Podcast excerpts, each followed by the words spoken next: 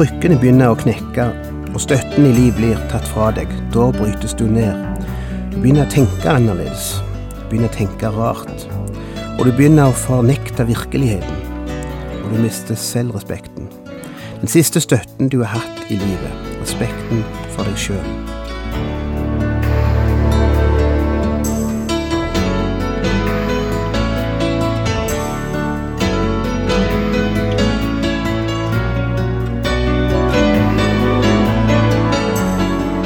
Hjertelig velkommen til et nytt program i serien Vindu mot livet. Vindu mot livet er basert på programserien Insight for Living ved Chuck Svindal. Programmet er produsert av Kristen Riksradio og blir ledet av Ola Bjoland.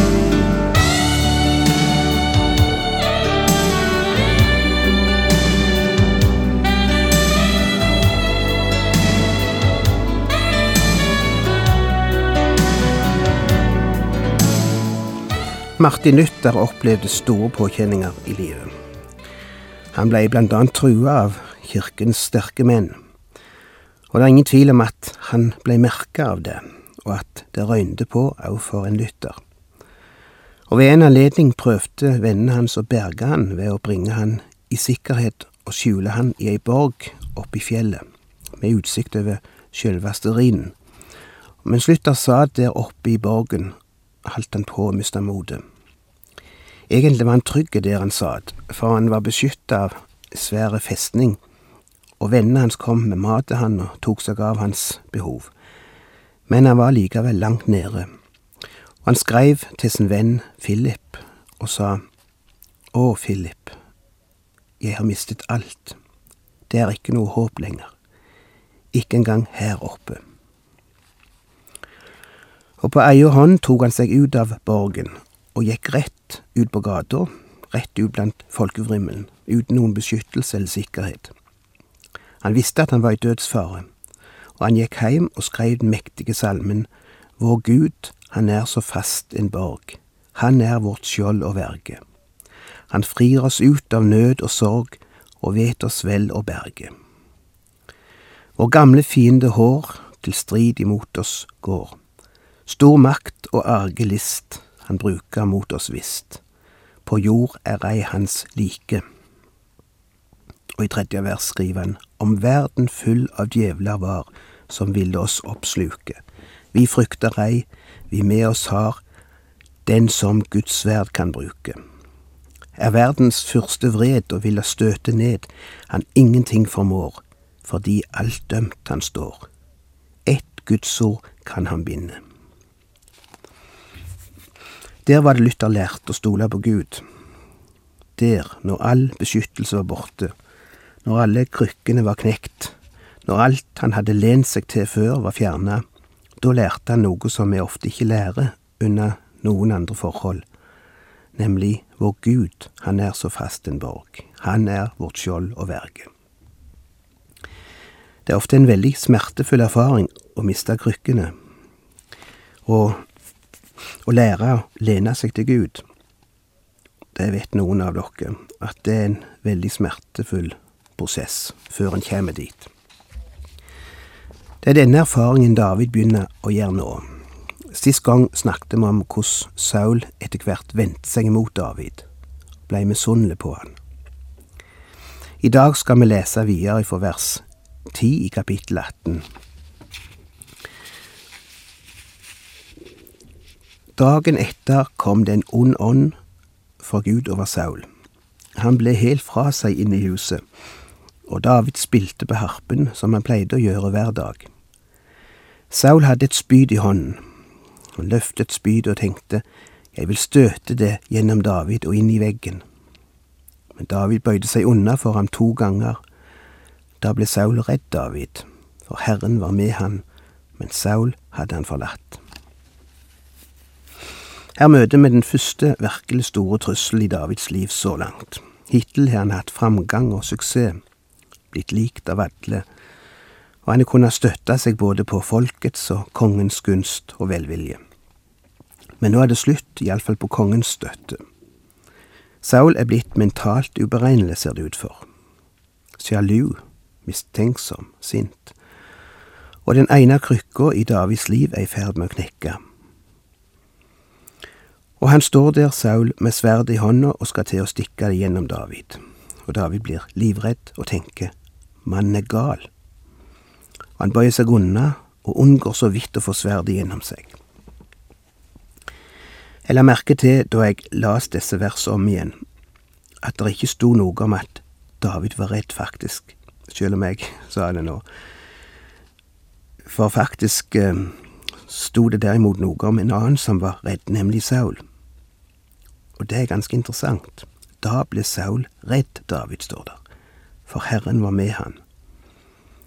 For det er nemlig slik at de folka som er ute etter å skade deg, ofte er mer redde deg enn du kanskje er redde deg.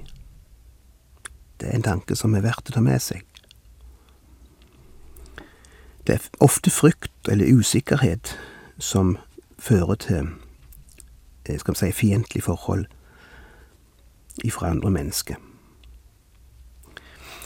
Vi ser at den første og kanskje mest fundamentale støtten i Davids sitt liv er i ferd med å bli tatt ifra han nå, nemlig støtten fra kongen og beskyttelsen der lå i det å være en kongens mann.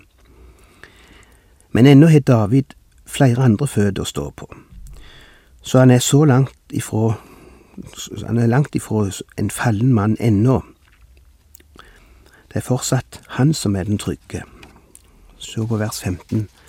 Da Saul så at det gikk godt for David, ble han enda mer redd ham. Som vi snakket mye om sist, så hadde ikke David gjort noe galt.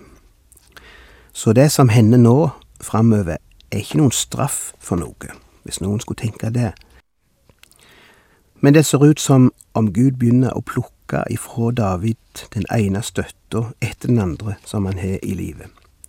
Kanskje forresten vi skal være litt forsiktige med å si at Gud gjorde det, men iallfall ser det ut for at David trenger å gjøre noen erfaringer, trenger å miste noe av det som han hadde støtta seg til, for å lære å støtte seg til Gud.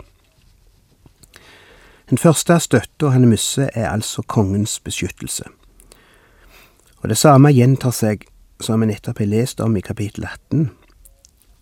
Det samme gjentar seg i kapittel 19, der skjer det igjen, for vers 10 kan vi lese. Saul prøvde å støte spydet gjennom David og inn i veggen, men David bøyde seg unna for Saul, og spydet for i veggen. David flyktet og kom seg unna samme natt. Nå har David på sett og vis mista sin posisjon. Han er ikke lenger hærfører for kongen. Han har ikke lenger noen formell makt, og heller ingen beskyttelse. Og fra nå av og ei tid framover blir livet hans ei sammenhengende flukt. Og den første plassen han flykta, er heim. Heim til kona.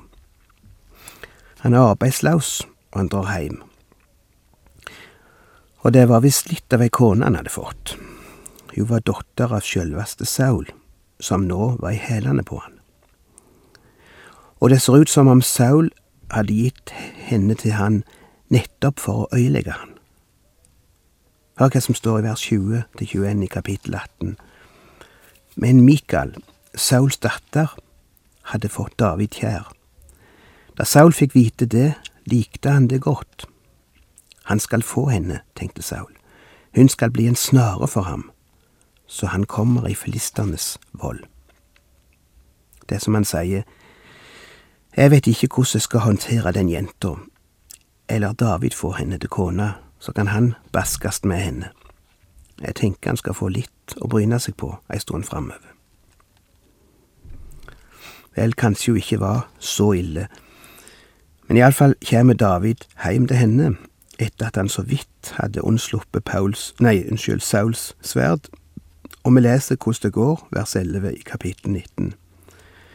Saul sendte noen menn til Davids hus for å vokte på ham og drepe ham om morgenen. Men Mikael, Davids kone, varslet han om det og sa, Dersom du ikke berger deg unna i natt, blir du drept i morgen. Så firte Mikael David ned fra vinduet, og han flyktet og kom seg bort. Etterpå tok hun husguden og la den i sengen. Hun la et teppe av geiteragg ved hodet på den og bredte sengeteppet over. Da Saul sendte folk for å hente David, sa hun, han er syk. Så sendte Saul de samme mennene for å se David, og sa, Bær ham hit til meg i sengen, han skal dø. Men da mennene kom inn, fikk de se husguden i sengen og teppet av geiteragg ved hodet. Saul sa til Mikael, Hvorfor har du narret meg slik og hjulpet fienden min å slippe unna? Mikael svarte, Han sa til meg, Hjelp meg å slippe bort, eller dreper jeg deg. Det var kona hans. Jeg vet ikke hva slags slutninger vi skal trekke om henne ut ifra disse versene, men iallfall er det slutt mellom dem ifra nå av og framover ei stund. Og den andre krykja knekker.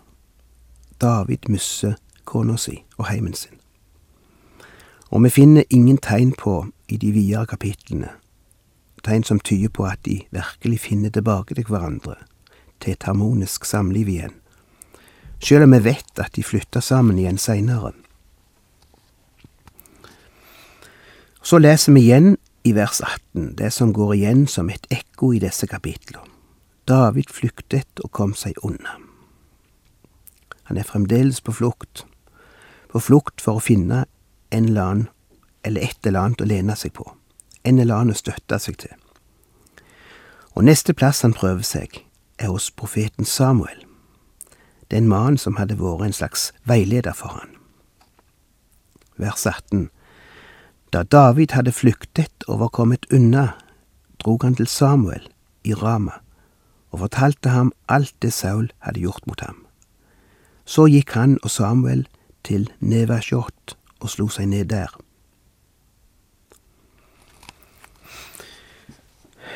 Der blir forresten gjort en interessant utgravning eller det blei gjort en utgraving i denne Nevashot for ei tid tilbake. De fant gamle ruiner av det vi i dag ville kalle et slags rekkehus, eller ei blokk med mange leiligheter i. Hus som sto vegg i vegg, og som sto side om side, og som sto oppå hverandre og bak hverandre. Nesten som de du kan sjå i dag enkelte plasser. Store klosser som er sett sammen i alle retninger og i alle vinkler, så du kan gå deg vill i de. Der var det at David altså og Samuel gikk. La oss gå til Nevashot. Der er det noen hus som er lette å gjemme seg i.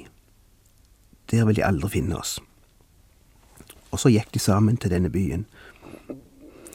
Men det gikk snart rykter om hvor de var vers 19 sier Saul fikk vite at David var i Nevasjot ved Rama, og sendte noen menn dit for å hente ham. Og for å gjøre en lang historie kort, så måtte David ryme igjen, videre. I kapittel 20 leser vi at han rymte fra Nevasjot og kom til Jonathan. Det husker Jonathan, Davids beste venn og støtte, og Saul sin sønn, nå tar David sin tilflukt hos en av sine siste støtter i livet. Det er bare ett skritt mellom meg og døden, sier han. Nettet snør seg til. Han begynner virkelig å få panikk. Du leser kapittel 20, jeg har ikke tid å lese alt det nå, så skal du sjå hvordan det snører seg mer og mer til rundt David. Og den ene støtta etter den andre blir tatt ifra han og nå òg Jonathan. Ikke at de blir uvenner, altså, men de finner ut at det er best at de skiller lag nå, og går hver sin vei. De skiller som venner, men de kan ikke lenger være sammen og støtte hverandre. Og hvis jeg har telt rett, så er det den fjerde krykka som nå ryker for David. Og hans nærmeste venn blir tatt ifra han. Vers 42 i kapittel 20 står der og Jonathan sa til David, Gå bort i fred. Når det gjelder det vi to har sverget hverandre i Herrens navn, skal Herren for alltid være vitne om paktene mellom meg og deg, og mellom min ett og din ett. Så brøt David opp og gikk sin vei, og Jonathan gikk tilbake til byen. Det høres jo ut som en endelig avskjed. Han har altså nå mista stillingen sin, posisjonen sin. Han har mista kona si. Han har mista sin rådgiver Samuel, og nå mister han sin beste venn. Og da er det ikke mye igjen å lene seg til. Og det femte og siste han mister, er selvrespekten. Tenk det. Da er du kommet langt ned. Så lenge du kan beholde sjølrespekten, så kan du kanskje holde ut lenge. Men når òg den forsvinner, i kjølvannet av alle de andre tapene, da er det ikke mye igjen. Se på kapittel 21 vers 10. Samme dag brøt David opp og flyktet for Saul. Han kom til Akish, kongen i Gat. Mennene i Akish sa til ham, Er ikke dette David, kongen i landet? Vet du hvor Gat var, forresten? Det var der Goliat var ifra. Gat var sjølve hovedkvarteret for filisterhæren, som David for ikke lenge siden hadde kjempa imot. Av alle plasser kjem han nå like inn i fiendens høyborg, nesten før blodet av Goliat er tørka på hendene hans. Og folket ser han, og de spør, er ikke dette David, han som drepte vår kjempe Goliat? Jo visst er det han. Hva er det han vil her? Er David i ferd med å miste forstand? Kan en lure på. Hør hva som står videre, og du vil nesten ikke tro det når jeg leser det vers tolv. David merket seg nøye det de sa, og han ble meget redd for Akish, kongen i Gat. Derfor lot han som om han var gal, og slo seg vill når de kom nær ham. Han trommet på portfløyene og siklet i skjegget. Dette er vår David. Dette er mannen Gud utvalgte til å være hans representant på jord. Han sikler, han klorer seg i hodet, han skraper seg mot porten, og han skjærer tenner. Han oppfører seg som en galning. Det er vel det lågeste et menneske kan komme, er det ikke det? Og jeg tror det var det lågeste øyeblikket i Davids liv. Kanskje ved sida av den gangen han mista sønnen sin Absalom. For når krykkene begynner å knekke, og støtten i livet blir tatt ifra deg, da brytes du ned. Så begynner du å tenke annerledes. Du begynner å tenke rart. Og du begynner å fornekte virkeligheten. Og du mister sjølrespekten. Den siste støtta du har hatt i livet respekten for deg sjøl. Og kongen i Gat hører om galningen på gata og sier, Jeg er ikke nok problem, hvorfor kommer det med han? Ja, det står faktisk det. Det står faktisk enda mer rett fram i vers 15. Har jeg ikke nok av galninger, siden dere kommer hit med han der, så jeg skal plages med galskapen hans? Ja, det er litt av en historie, dette, og det er kanskje akkurat der noen av dere er akkurat nå. Jeg sier ikke at det er gått ifra vedet. Det hadde heller ikke David gjort, forresten, han bare spilte. Men langt nede var han, etter alt han hadde mista. Og kan hende noen av dere kjenner dere litt igjen. Noen krykker er blitt knekt, noen støttepunkt i livet er borte. For David var det jobben han mista, og posisjonen, og kona, sin beste venn og til slutt sin sjølrespekt. For det kan det kanskje være andre ting. Eller kanskje det er noe av dette. Jeg vil slutte med å sitere noe fra ei bok. Den er av en som heter Tozer. Kanskje det kan hjelpe oss å sette det hele inn i en sammenheng, og hjelpe oss til å se ting som skjer ifra Guds synsvinkel. Hør hva han skriver. Før Gud skapte mennesker på jorden, forberedte han det hele ved å skape en verden med gode og nyttige ting som skulle være til hjelp og støtte og glede for mennesket. I skapelsberetningen i første Mosebok blir dette rett og slett kalt ting. Han skapte en masse ting, De vart lagd for mennesket, men de var alltid tenkt å kun skulle være ting. Skulle være utenfor mennesket og underlagt mennesket. For djupt inne i menneskets hjerte skapte Gud et rom, et hellig rom som ingen andre enn Gud er verdig å komme inn i og bo i. Og i mennesket tok Gud bolig i dette rommet. Utenfor mennesket var tusen ting som Gud hadde gitt det. Men så kom synda inn i verden og kompliserte det hele, og gjorde at Guds gode gaver, altså tingene, begynte å øyelegge mennesket. Og vår nedgang begynte da Gud blei drevet ut ifra sitt hellige rom inn i mennesket, og tinga begynte å ta plass der. Og nå er tinga tatt over Guds plass, og menneskene har mista freden inni seg, for Gud er ikke lenger herre der. Vi kom inn under slaveri, nemlig slaveri under tinga. Og dette slaveriet slipper ikke taket på oss uten at det koster noe. Den vonde Herren i vårt liv gir ikke opp makta frivillig, den må rives ut av oss, nesten som vi trekker en jeksel ut av tanngarden. Det gjør vondt, og det blir et sår. Det må drives ut med makt, akkurat som Jesus dreiv pengevekslene ut av tempelet med ei svøpe. Så skriver han videre, Far, jeg ber om å få lære å kjenne deg. Mitt tåpelige hjerte er så redd for å slippe lekene til sine, tingene. Jeg klarer ikke å skille meg fra dem uten at det blør innvendig. Jeg prøver å ikke skjule for deg smerten ved å bli skilt fra ting. Jeg kommer skjelvende, jeg kommer.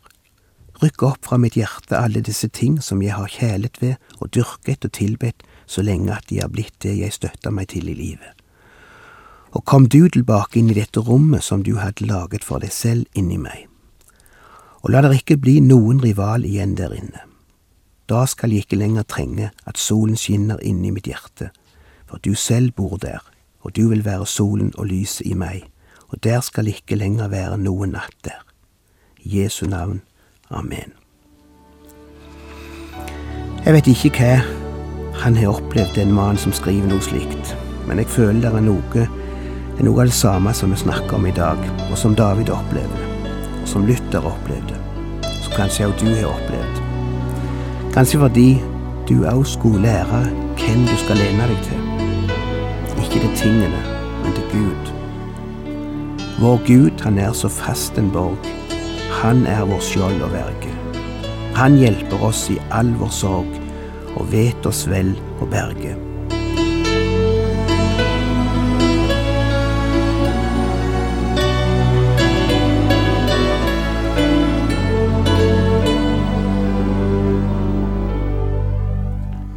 Du har lytta til Ola Bjoland i serien 'Bindu mot livet' fra Kristen Riksradios arkiv. Ola Bjoland var ansatt i Kristen Riksradio til han døde i 2002.